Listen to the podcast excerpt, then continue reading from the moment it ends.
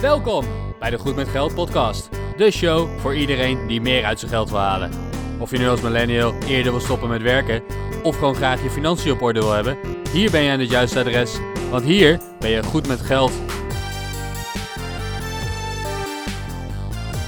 Welkom bij aflevering 3 van Goed met Geld. Ik ben Bas van firetheboss.eu. En ik ben Arjan van stoppenvoormijn50ste.nl. Samen maken we deze podcast om financiële onafhankelijkheid in Nederland op de kaart te zetten. Dat bloggen kunnen we al, maar nu gaan we podcasten over financiële onafhankelijkheid. Ja, vorige week hebben we, vorige keren hebben we het al gehad over financieel onafhankelijk worden. Het niet meer hoeven werken voor je geld, het niet meer afhankelijk zijn van je salarisstrookje. En in aflevering 2 hebben we het gehad over je spaarpercentage. Dat spaarpercentage is hoeveel geld van jouw inkomen kan je nu daadwerkelijk sparen en dus investeren. En dat is heel belangrijk, want hoe hoger jouw spaarpercentage, hoe eerder jij kan stoppen met werken. Vandaag gaan we het hebben over dat spaarpercentage en hoe je dat nou kan verhogen. En dat delen we op in twee delen. Deze week hebben we het over jouw spaarpercentage verhogen door meer inkomen te genereren. En volgende week gaan we het hebben over minder uitgeven. Maar eerst vandaag. Jouw spaarpercentage verhogen door meer inkomen te genereren. Inderdaad, nou, je kan het op een aantal manieren doen. En uh, ja, we gaan jullie gewoon een heleboel voorbeelden geven vandaag om inderdaad je inkomen te vergroten. En dat delen we op in drie kleine stukken. Je kunt namelijk actief je inkomen gaan vergroten. Je kan meer gaan werken, et cetera, waarbij je tijd verkoopt voor geld of je tijd inruilt voor geld. Uh, daarnaast kan je heel passief inkomen verzorgen. En er zit ook nog iets tussenin waarbij je een soort semi-passief inkomen kan verzorgen.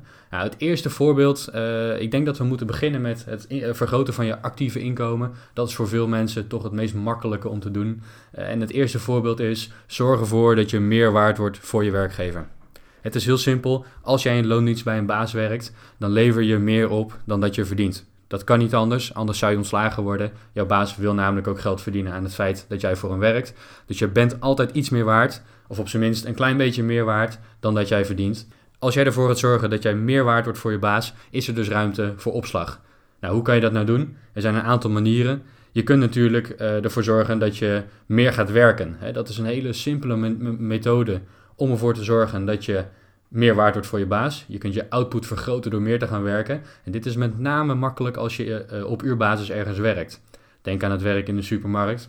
Als jij daar normaal gesproken 30 uur per week werkt, maar je hebt de mogelijkheid om 40 uur te gaan werken, dan kan je dus je inkomen op die manier eenvoudig met, ja, met een derde vergroten. Lukt dat nou niet, omdat je bijvoorbeeld op, ja, op een vast loon zit en niet op uurbasis werkt, dan zijn er nog een aantal andere manieren om meer waard te worden. Je kunt cursussen doen. Je kan certificaten halen, waardoor je misschien in een hogere loonschaal terechtkomt.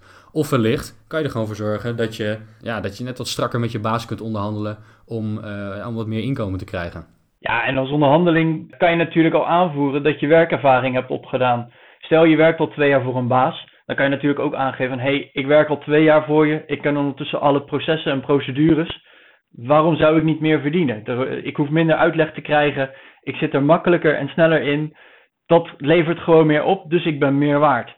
Het, het lijkt misschien heel eng om om opslag te vragen bij je baas. Ik bedoel, je plant misschien een gesprek in of je, uh, of je tackelt hem als hij naar, de koffieautomaat loopt en zegt van hé hey baas, we moeten nu echt even praten. Vervolgens ga je in een kamertje zitten en dan uh, je hartslag gaat naar 200 en je moet die moeilijke woorden uitspreken. Beste baas, ik wil graag wat meer verdienen. Op dat moment zit je niet meer in een, in een normale arbeidsrelatie met je werkgever, maar ben je even verkoper geworden en is jouw baas inkoper geworden. En dat betekent ja, dat hij er alles aan zal kunnen doen om ervoor te zorgen dat hij jou niet al te veel opslag hoeft te geven. Dat klinkt heel eng. In de praktijk, er kan niet zoveel fout gaan. Wat is nou het ergste dat hij kan zeggen? Dat hij nee zegt? Als je baas nee zegt, dan loop je weer naar buiten en zeg je bedankt. Dan zorg je ervoor dat je, uh, ja, dat je met respect dat, dat gesprek verlaat. En dat je, uh, dat je verder gaat met je dagelijkse werkzaamheden. En er is niks veranderd. Het allerergste wat er kan gebeuren, is dat er niks verandert. Nou, mocht hij nou wel openstaan voor, voor dit soort zaken, hè, voor, voor jouw argumenten dat, jij, hè, dat je meer oplevert, dat je inmiddels minder begeleiding nodig hebt, et cetera, dan kan het zomaar zijn dat je met wat extra salaris het gesprek uitloopt. Ja, en ben je nou heel onzeker daarover, dan zijn er natuurlijk ook manieren om, om dat een beetje te ontwikkelen. Hè? Uh, wat je bijvoorbeeld kan doen, is gewoon solliciteren op een andere baan. Eens kijken, hoe lig je in de markt? Wat ben je waard? Wat zou een andere werkgever voor jou betalen? Stel, die werkgever zou je opeens 10% meer betalen. Dat, dat is al onderhandelingsvoer om naar jouw baas toe te gaan. Hè? van hé, hey, ik kan bij de concurrent kan ik gewoon 10% meer verdienen. Wil je dat ik blijf, dan zou je toch zeker wat meer moeten gaan betalen. Want anders ga ik naar de concurrent, ben jij mij kwijt en ga ik meer verdienen. Dus zorg inderdaad dat je jezelf echt durft neer te zetten, dat je jezelf verkoopt. Eis het niet direct, maar zorg wel dat je goed onderbouwd naar jouw baas toe gaat. Om inderdaad te zeggen van hé, hey, ik zou toch echt wel wat meer willen gaan verdienen. Ja, absoluut. Uh, een hele goede opmerking, denk ik, Arjan. Uh, zorg ervoor dat je weet wat je waard bent. Het kan helemaal geen kwaad om af en toe eens te solliciteren. Ook al zit je goed op je plek, wil je niet per se weg. Dan toch kan solliciteren af en toe wel heel handig zijn. Gewoon al was het maar omdat je dan weet wat, ja, wat er in de markt ongeveer allemaal te halen valt qua werk. Ik zelf ben uh, recentelijk overgestapt van baan. Tenminste, begin dit jaar heb ik een andere baan gekregen. Begin dit jaar als we het opnemen trouwens. Ik weet nog niet wanneer deze aflevering uitkomt. Maar daarvoor uh, zat ik best wel goed een aantal jaren bij mijn, uh, bij mijn vorige werkgever op een plek. Ik had niet per se de intentie om weg te gaan. Maar elk jaar solliciteerde ik denk ik misschien één, soms twee keer op een, op een andere functie. Gewoon om eens te kletsen met andere werkgevers. Kijken wat er allemaal mogelijk is qua salaris, maar vooral ook qua inhoud van het werk. Ja, en op die manier krijg je best wel een goed gevoel bij wat er allemaal speelt en wat je waard bent. Nou, ik denk dat het natuurlijk ja, een, makkelijke uh, route ook is naar daadwerkelijk vinden van een andere baan op het moment dat je bij je baas geen opslag kunt krijgen. En ik denk ook helemaal niet dat het erg is om af en toe ergens anders te solliciteren. Kijk inderdaad hoe je in de markt ligt. We zijn millennials. We hoeven niet nog 40 jaar voor diezelfde baas te gaan werken zoals je dat vroeger deed. Doe het gewoon en zie eens wat er op de markt te krijgen is voor jou. Absoluut. Nou, ik denk dat dat hem is qua um, ja, het, inkomen uit je loondienst verhogen. In het allerslechtste geval zegt je baas: nee, je krijgt een opslag en dan blijf je werken. Ik denk dat dat een goede afsluiter is. Wat je, altijd, wat je altijd nog kunt doen, is daadwerkelijk overstappen uh, naar een andere werkgever. Die wellicht wel die 10, 15, misschien zelfs wel 20% meer wil betalen. Nou, wat je natuurlijk ook nog kan doen, is het nemen van een bijbaan. En daar hebben we ook een aantal voorbeelden voor. Arjan? Ja, je kan natuurlijk, uh, stel je werkt op 40 uur en je baas wil niet dat je nog meer dan 40 uur gaat werken kan je altijd nog ergens anders gaan bijklussen. Stel je hebt de zaterdagmiddag vrij, je hebt een auto, maak een Uber-accountje aan en ga voor Uber rijden. Je krijgt per rit betaald, dus uiteindelijk kan je direct jouw tijd voor geld uh, ruilen. Stel je bent specialist, je bent IT'er, dan kan je ook voor mensen computers gaan repareren of uh, een stukje software gaan schrijven en, en iets ontwikkelen voor een bedrijf. Je kan je eigen tijd gewoon verkopen aan een bedrijf die daar per uur een, een bedrag voor neerlegt. Ja, absoluut. Je kunt je natuurlijk voorstellen dat dit soort werk van heel goedkoop tot heel duur uh, gaat. En je kan inderdaad voor Uber gaan rijden. Je kan uh, misschien op zaterdagmiddag in de sportschool gaan werken als je dat leuk vindt of in de Albert Heijn. Maar ja, zoals Arjen al aangeeft, als je specialist bent in je vakgebied, als jij goed software kunt schrijven, als je grafisch ontwerper bent en je weet alles van Photoshop, als je misschien uh, een hele specifieke bedrijfskundige kennis hebt waarmee je organisaties kunt adviseren, ja, dat is, ja, dan kan je je tijd best wel duur verkopen. En dat kan een hele goede manier zijn om je inkomen aan te vullen. Ja, maar goed, uiteindelijk, als je de berekening maakt, in een week zitten 168 uur. Die kan je nooit allemaal werken. Dan zou je 24 uur per dag, 7 dagen per week werken. Laten we realistisch zijn. Op dit moment een fulltime werkweek is 40 uur. Dit zou je nog op kunnen rekken naar 60, misschien 70 uur. Maar meer ook niet. En elke keer dat jij een uur verkoopt en daar een bedrag voor terugkrijgt, gaat er van je eigen vrije tijd iets af. Je kan dus ook nooit meer dan een x aantal uur werken. Je kan nooit meer dan, nou laten we zeggen, 80 uur per week werken. Je moet ook nog slapen, je moet ook nog eten. Je hebt gewoon je andere verplichtingen. Het is dus heel gelimiteerd, deze optie. Je kan inderdaad proberen meer te gaan werken en, en dat is allemaal leuk. Maar echt heel realistisch om de grote bedragen daarmee binnen te halen is natuurlijk ook weer niet. Hè? Want stel je, je werkt nu 40 uur per week, je verdient een tientje per uur. Ja, dan verdien je 400 euro per uur. Je gaat 10 uur meer werken, dan heb je 500 euro. Ga je naar de 60 of 70, het kan nog net, maar ik zie het niet gebeuren dat we dat gaan doen. We kunnen ook gewoon eens even kijken naar een andere manier. Kunnen we het iets, iets passiever maken? Kunnen we nou zeggen van nou, als ik het op die manier doe, dan is uh, mijn inkomen niet direct gerelateerd aan mijn tijd. Ja, precies. Je kan natuurlijk uh, ook op een uh, veel passievere manier proberen om wat meer geld te verdienen. Nou, daar hebben we twee manieren voor. Wij noemen ze semi-passief en volledig passief. En semi-passief, ik zie daar mensen die hebben veel rommel in huis. Kan je die rommel, die je misschien zelf een paar jaar geleden heel leuk vond, maar nu niet meer gebruikt. Je hebt een garage vol liggen met een oude fiets met gereedschap dat je nooit meer gebruikt, et cetera. Misschien het speelgoed van kinderen die al de deur uit zijn. Kun je jouw oude spullen misschien verkopen aan mensen die daar wel wat aan hebben. En op die manier, ja, eenmalig, maar in elk geval wel eenmalig een paar euro's aan overhouden. Denk aan het verkopen op Marktplaats. Denk aan de garage sales, zoals ze in de Verenigde Staten heel gebruikelijk zijn. Dat zijn natuurlijk methoden om ja, semi-passief wat extra geld te verdienen. Waarom is het semi-passief? Je bent nog steeds bezig met het investeren van tijd om daar een stukje inkomen uit te halen. Maar je tijd is niet één op één gerelateerd aan je inkomen, zoals dat wel is als je uh, voor een uurloon werkt. Als elk uur een tientje waard is, dan kan je een uurtje werken en heb je 10 euro extra verdiend. Bij het verkopen van spullen is dat natuurlijk niet aan de orde. Nou, je kan natuurlijk alleen maar je oude spullen verkopen. Dat is iets wat je vaak maar eenmalig kan doen. Als je dat wat meer regulier wil gaan doen, dan noemen we dat flipping. Oftewel het in- en verkopen van allerhande uh, artikelen uh, waar je dan geld aan kan verdienen. Stel je voor, je hebt heel veel verstand van een bepaald type auto. Misschien een oldtimer, misschien een bepaald automerk waar je veel verstand van hebt en waar jij van denkt dat je goede deals kunt vinden voor gebruikte auto's. Je kunt ze misschien opknappen, schoonmaken en weer verkopen. En omdat je er verstand van hebt, herken je ook wanneer een auto te goedkoop is. Omdat het misschien toch een speciaal type is. De verkoper heeft dat niet helemaal goed in de gaten. Op die manier kun je natuurlijk ook geld verdienen door uh, zaken aan te kopen, op te knappen en weer te verkopen. Uiteraard blijf je hier tijd in steken, maar niet één op één, of je inkomen is niet één op één gerelateerd aan de tijd die je erin investeert.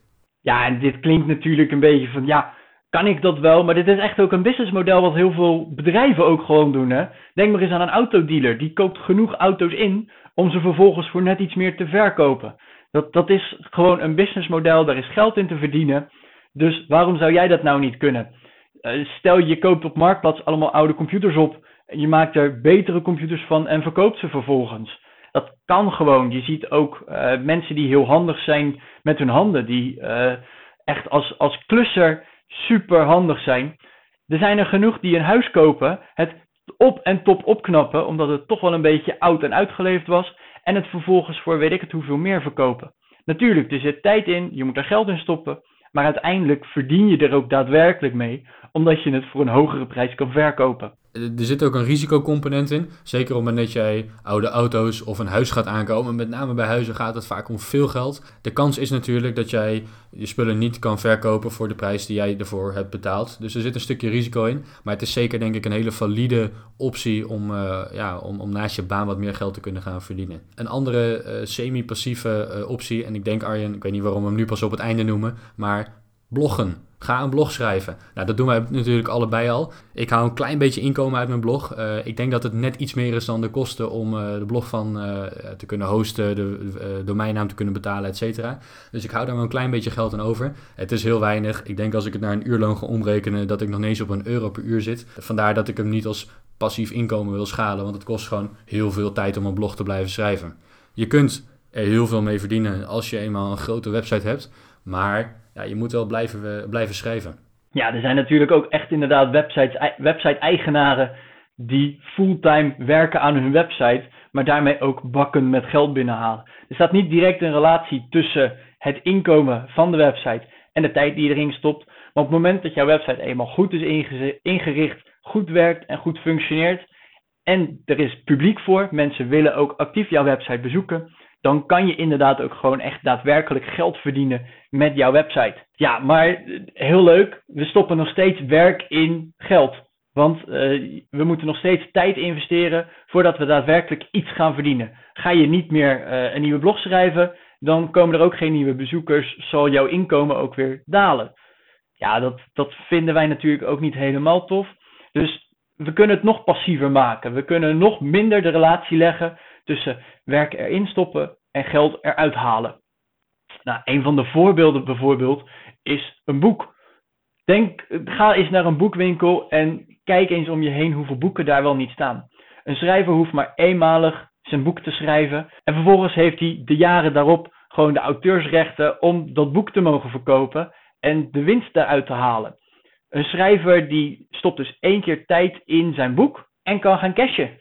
Ja, zo makkelijk is het natuurlijk niet. Ik, ik, ik ken niemand die een bestseller heeft geschreven. Maar als je inderdaad, uh, ja, als je kan schrijven, je schrijft een goed boek en je hebt een beetje mazzel, dan zou het zomaar kunnen zijn dat je inderdaad met een eenmalige investering van heel veel tijd, de komende jaren, een, eh, een heel passief inkomen daaruit kunt halen. Uiteraard, dit is geen aanbeveling voor iedereen om maar een boek te gaan schrijven en daar jaren in te stoppen in de hoop dat je daar wat aan verdient, want die kans is gewoon heel klein, maar het is absoluut een mogelijkheid. Nou, in hetzelfde uh, stramien zit een, uh, het schrijven van software. Denk aan mobiele apps voor je telefoon, spelletjes of juist hele handige productiviteitsapps die je ter betaling aanbiedt op de App Store. Ook daar geldt weer eenmalig een investering van tijd om de software te schrijven. En daarna kan je in principe oneindig, de updates daar gelaten, uh, geld blijven uh, ontvangen uit, uh, uit de software. Naast het aanbieden van betaalde apps kun je natuurlijk je app gratis maken. Dit is het verdienmodel achter heel veel spelletjes voor op je mobiele telefoon. Waar je vervolgens reclame in de app stopt en daar ook ja, afhankelijk van hoeveel gebruikers je hebt, een inkomen eruit haalt. En niet afhankelijk van hoeveel tijd je erin stopt. Nu noemen wij wel deze twee voorbeelden, maar ik kan me ook bedenken dat je nou niet zo super handig bent om een hele app te gaan schrijven. Dat je denkt van nou, mijn schrijverskunsten, ik, ik kan wel wat leuks op papier zetten, maar om nou een heel boek te gaan schrijven, is niet mijn ding. Zo zijn er veel meer voorbeelden. Uh, heel kort even twee. Stel je bent expert in een bepaald ding, dan kan je ook een cursus daaromheen schrijven. Verkoop die cursus. Jij bent de expert, jij kan de kennis overdragen daar mag ook gewoon voor betaald worden. Dus als je één keer die kennis eenmaal op papier hebt gezet, kan je daar gewoon geld mee verdienen. En een laatste voorbeeld, iedereen kan foto's maken. Stel je bent super goed met een uh, telefoon of goede fotocamera, dan kan je ook gewoon gaan bedenken van nou, ik ben gewoon zo goed daarin, ik kan hele leuke plaatjes schieten. Mensen zouden ook echt die plaatjes willen gebruiken voor bijvoorbeeld uh, op een blog erboven te zetten dan kan je dus ook inderdaad jouw foto's online zetten en verkopen. Het is heel vervelend, maar auteursrecht op foto's is erg goed geregeld. Dus wij als bloggers moeten inderdaad rechtenvrije foto's of er simpelweg voor betalen. Anders mogen we ze niet gebruiken. Dus je kan er ook echt met hele simpele middelen en hele simpele ideeën kan je gewoon al een passief inkomen regelen. Je, hebt, je zorgt dat je één keer er werk in stopt en vervolgens ga je het verkopen. Nou, zo simpel is dat. En ook vooral om het advies te geven, ga dit nou gewoon doen of ga eens nadenken over wat zou ik kunnen doen. In de praktijk, het is natuurlijk nooit zo eenvoudig, maar we hopen toch dat we jullie hier een, uh, ja, een aantal manieren hebben gegeven om je inkomen te kunnen vergroten, zowel actief als passief. Ja, en we proberen het natuurlijk ook heel praktisch te houden. Hè? Daarom hebben we het inderdaad over uh, werk even een uurtje extra ga even onderhandelen met je baas om, om wat extra uurloon. Maar verkoop je foto's eens. Je, je kan er echt geld mee verdienen. Wij proberen het ook heel praktisch te houden. Wij schrijven ook op onze blog. Dat is echt geen ondoenlijke manier om geld te verdienen. Dus dat is natuurlijk ook ons doel om jou te helpen om inderdaad jouw inkomen te verhogen. Nou zou je ook misschien kunnen denken, hé hey, maar die gasten bloggen over geld, maar die investeren ook en alles en halen daar ook geld uit. Uh, Bas, gaan we het daar vandaag nog over hebben? Uh, ik denk het niet. Ik denk dat we redelijk aan onze tijd zitten. Uh, maar in een van de volgende afleveringen gaan we het zeker hebben over beleggen, investeren en alle verschillende vormen die we daarin kennen en gebruiken. Vandaag ging het over het vergroten van je inkomen. Volgende week zullen we het gaan hebben over juist het besparen van geld of het zorgen dat je minder uitgeeft, zonder dat je daarvoor ja, kwaliteit van leven inlevert. Ik denk dat het investeren dat dat in een van de afleveringen daarna langs zal gaan komen. Ik weet het vrij zeker. Ik ben heel erg benieuwd naar volgende week. Want zoals ik eerder al zei, wij zijn ook jong, wij leven nu, wij willen ook graag nog leuke dingen doen. Maar besparen is dus ook echt wel degelijk mogelijk, zonder dat je erop inlevert in het leven. Dus uh, kom volgende week inderdaad zeker terug. Bas, wat kunnen ze doen om ons te helpen? Mocht je deze podcast nou interessant vinden, er zijn twee dingen die je kunt doen om ons te helpen. De eerste is, volg ons op iTunes. Want zo laat je zien dat je onze podcast leuk vindt en dan word je op de hoogte gehouden als wij nieuwe afleveringen publiceren. En twee, abonneer je op onze blogs. Arjan vind je bij stoppenvoormijn50ste.nl en mijn blog is firetheboss.eu. Dat is ontsla de baas, maar dan in het Engels.eu. De show notes van deze aflevering vind je op goedmetgeldpodcast.nl slash 003. Ja, wij vonden deze podcast helemaal leuk om te maken.